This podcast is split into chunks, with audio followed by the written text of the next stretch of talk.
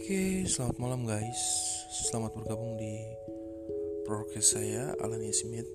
Ya, di sini kita akan berbincang-bincang atau membawakan tema-tema yang ringan-ringan aja tentang uh, realita kehidupan, pergaulan ya. Ya, khususnya percintaan ya. Kalau saya sendiri kelahiran era-era 90-an, kalau anak kelahiran 90-an tuh pasti um, mengenal cinta ketika sudah masuk uh, kalau orang bilang SMP tuh baru cinta-cinta monyet tuh belum belum belum berani jalan bareng belum belum berani tatapan muka kalau merenjak SMA baru tuh kita berani SMS telepon semi semi ngumpet-ngumpet. Kalau sudah diledekin sedikit pasti rasanya malu banget sini saya akan memberikan sebuah perbandingan uh, bahwa di era milenial sekarang itu khususnya anak-anak 2000-an perbandingannya itu signifikan ya sudah berbeda jauh sekali itu kita kalau dulu tuh kita masih ada tuh pacaran ngumpet-ngumpet tapi sekarang tuh karena mungkin teknologi juga ya berpengaruh. Teknologi dan pergaulan uh, zaman juga sudah berubah sehingga banyak banyak kan anak muda yang terjerumus uh, pergaulan bebas. Itu ya bisa jadi miras minuman uh, dan barang-barang ya adiktif lainnya. Ya di sini hmm, yang menjadi keluh kesah saya bahwa um,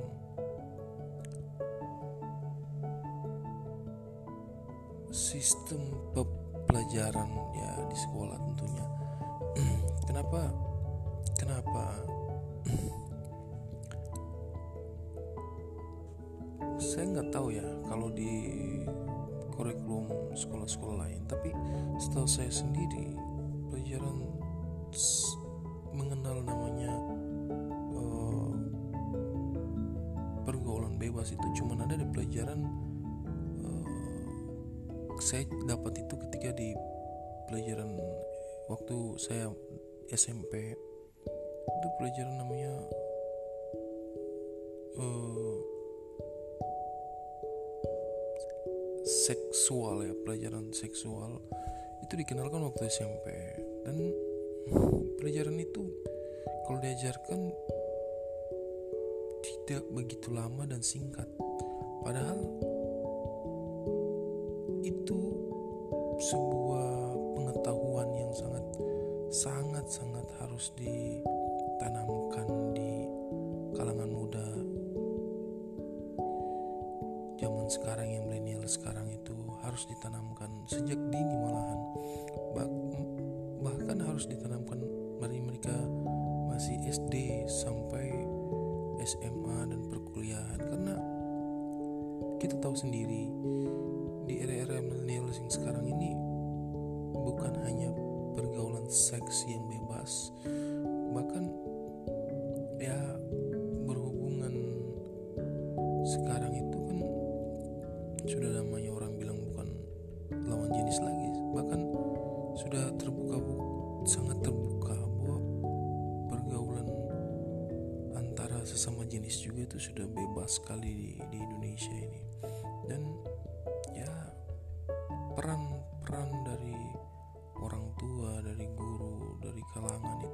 harus harus diterapkan secara baik ya sehingga anak-anak muda zaman sekarang itu tidak mudah untuk terjerumus.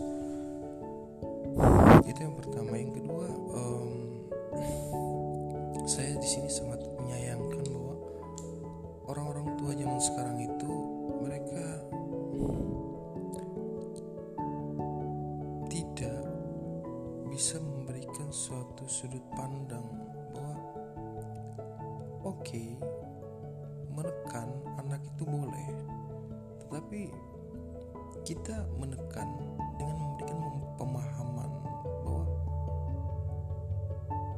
kalian begini efek dari melakukan itu risikonya begini. Nah itu itu kadang kadang yang jarang didapatkan di lingkungan jarang sekali didapatkan di sekolah jarang sekali dapat di ya ketika mereka sudah terjun dan mereka terjebak dalam zona itu dan mereka tidak bisa keluar ya mereka akan terkurung dalam zona itu.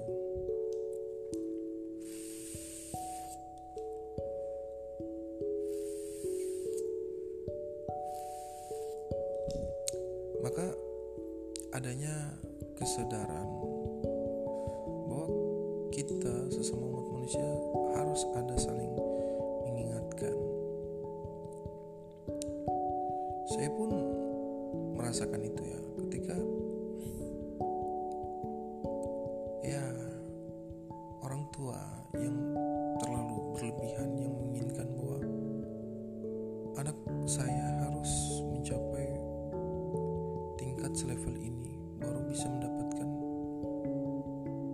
así.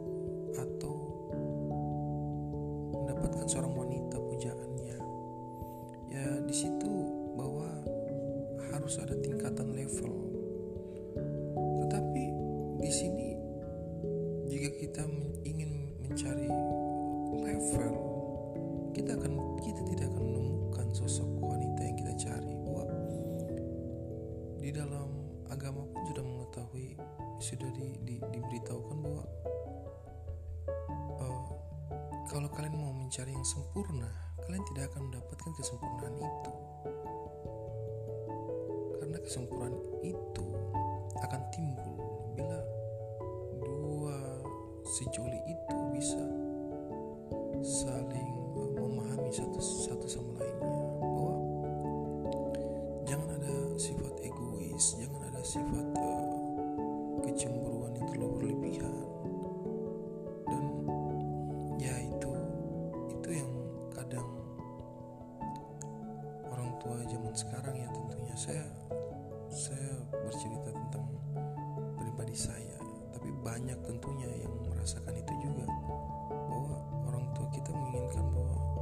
kita harus mencapai ekspektasi yang kita tuju itu. Tapi kita manusia yang mempunyai hakikat bahwa kita membutuhkan seorang sok seorang pendamping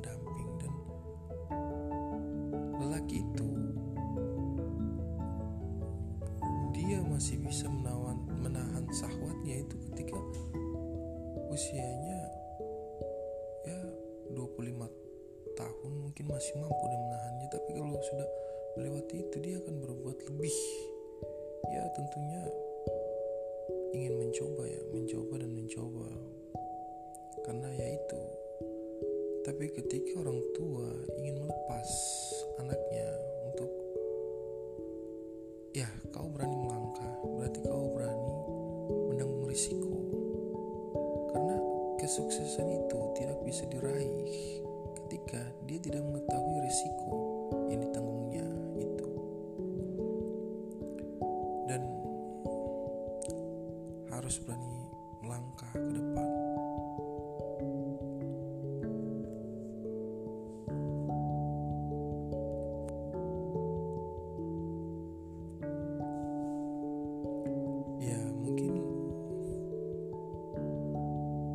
semakin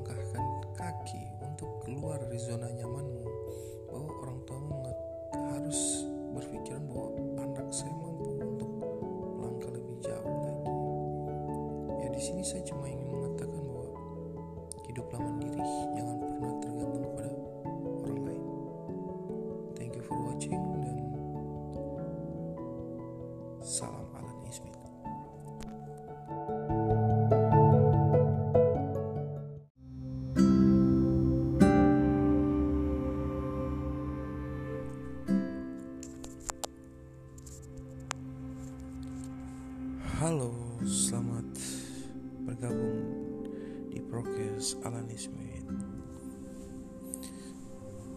Sebelumnya um, kita telah membahas tema tentang hidup mandiri dan kali ini prokes yang kedua saya akan membahas tentang hitam putih kehidupan dan itu pun saya tanamkan kepada diri saya. Di sini saya ingin mem memberikan suatu referensi dan yang kedua juga memberikan suatu motivasi. Siapa tahu ini bisa membuat anda yang mungkin merasa down merasa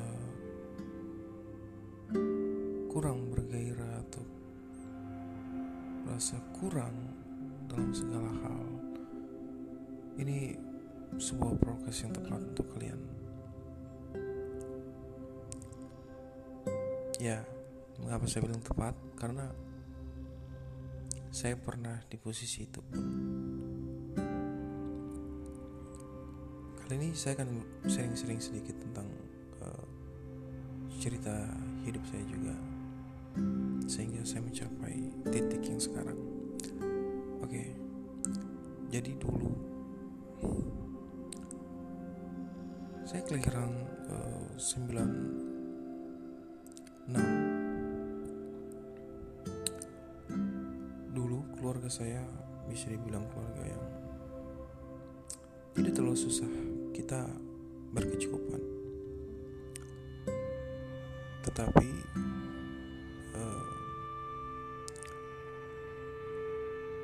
kesuksesan keluarga saya tidak semudah yang dikira bisa digapai mudah meskipun orang tua saya pegawai. Karena saya saya kedua orang tua saya itu memiliki sifat uh, yang sedikit keras yang harus harus lihat anaknya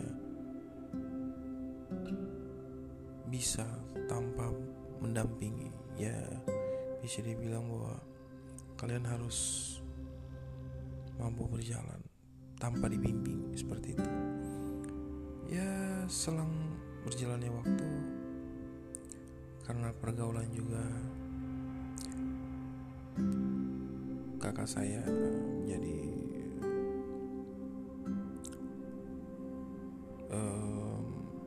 kuliah tapi tak selesai. Akhirnya jadi preman. Dan saya pun mempelajari itu. Dan lingkungan di sekitar saya pun um, seperti mengajukan apa ya mengajukannya bahwa kalian tidak akan bisa sukses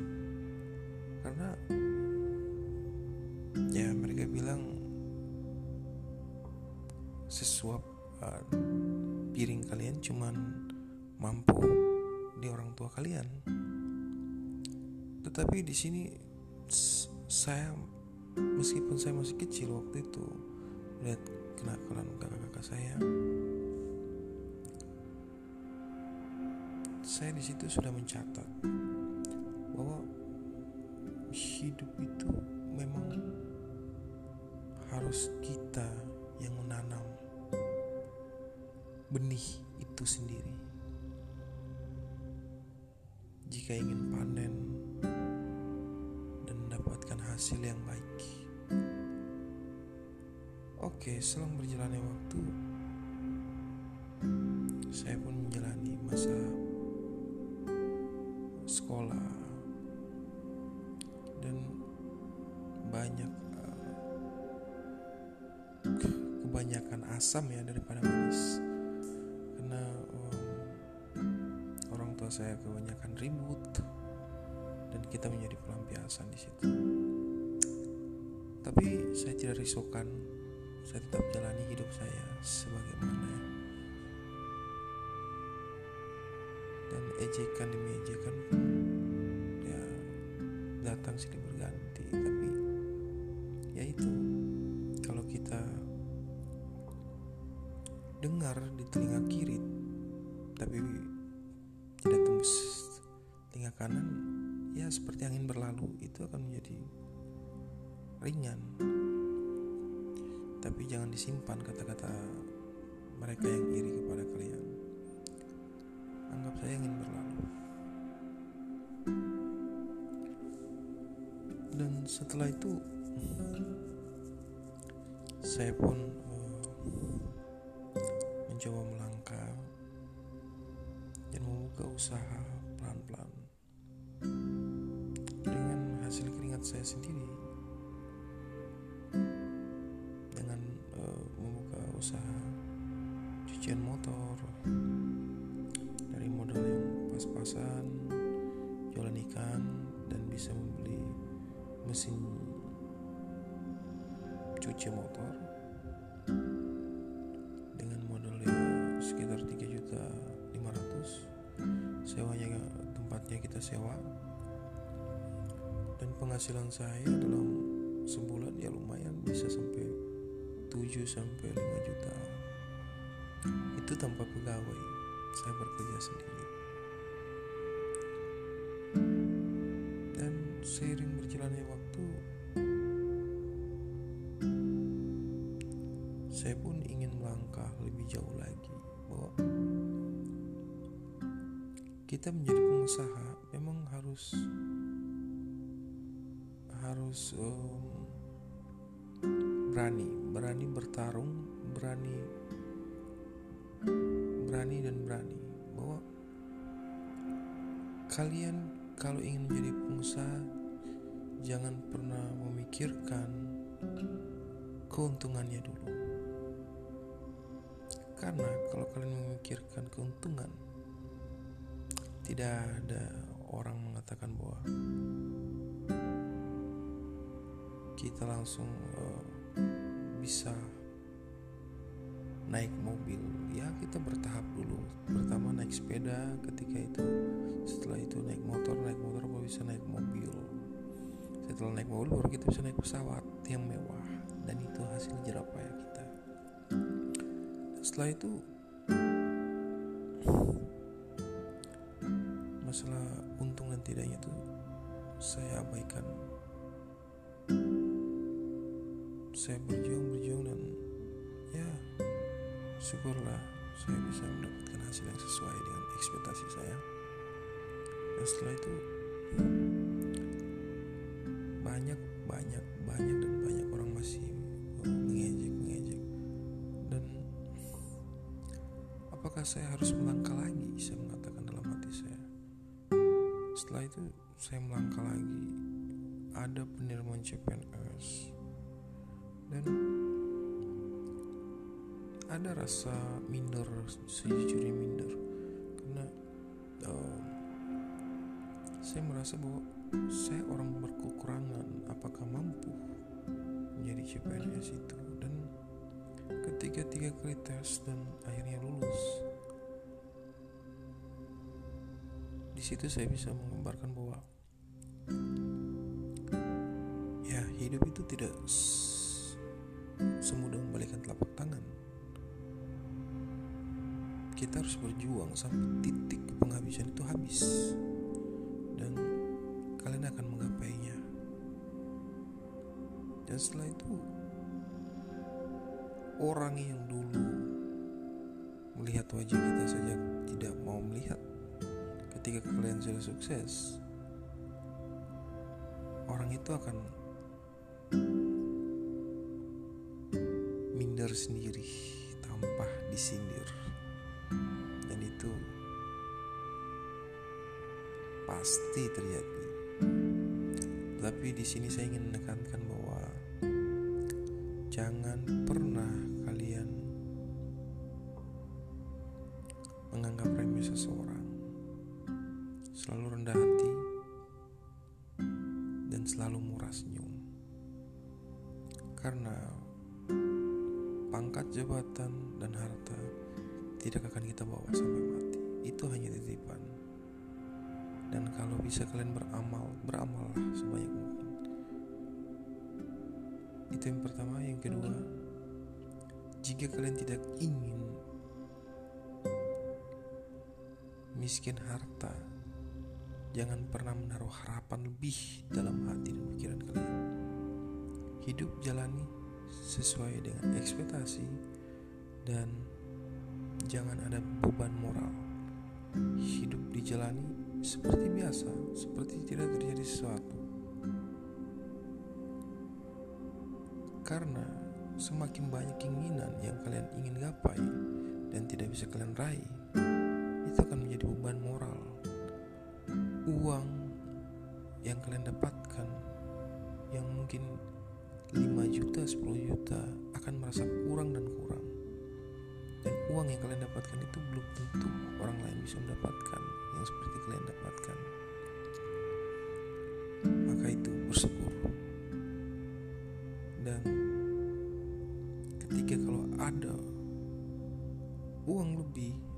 disisipkanlah kepada orang yang tidak mampu. Dan jika kalian ingin mencapai suatu hal, kumpulkanlah duit sebanyak mungkin dan gapailah keinginan kalian. Sekian dari saya Alan Smith. Thank you for watching dan semangat.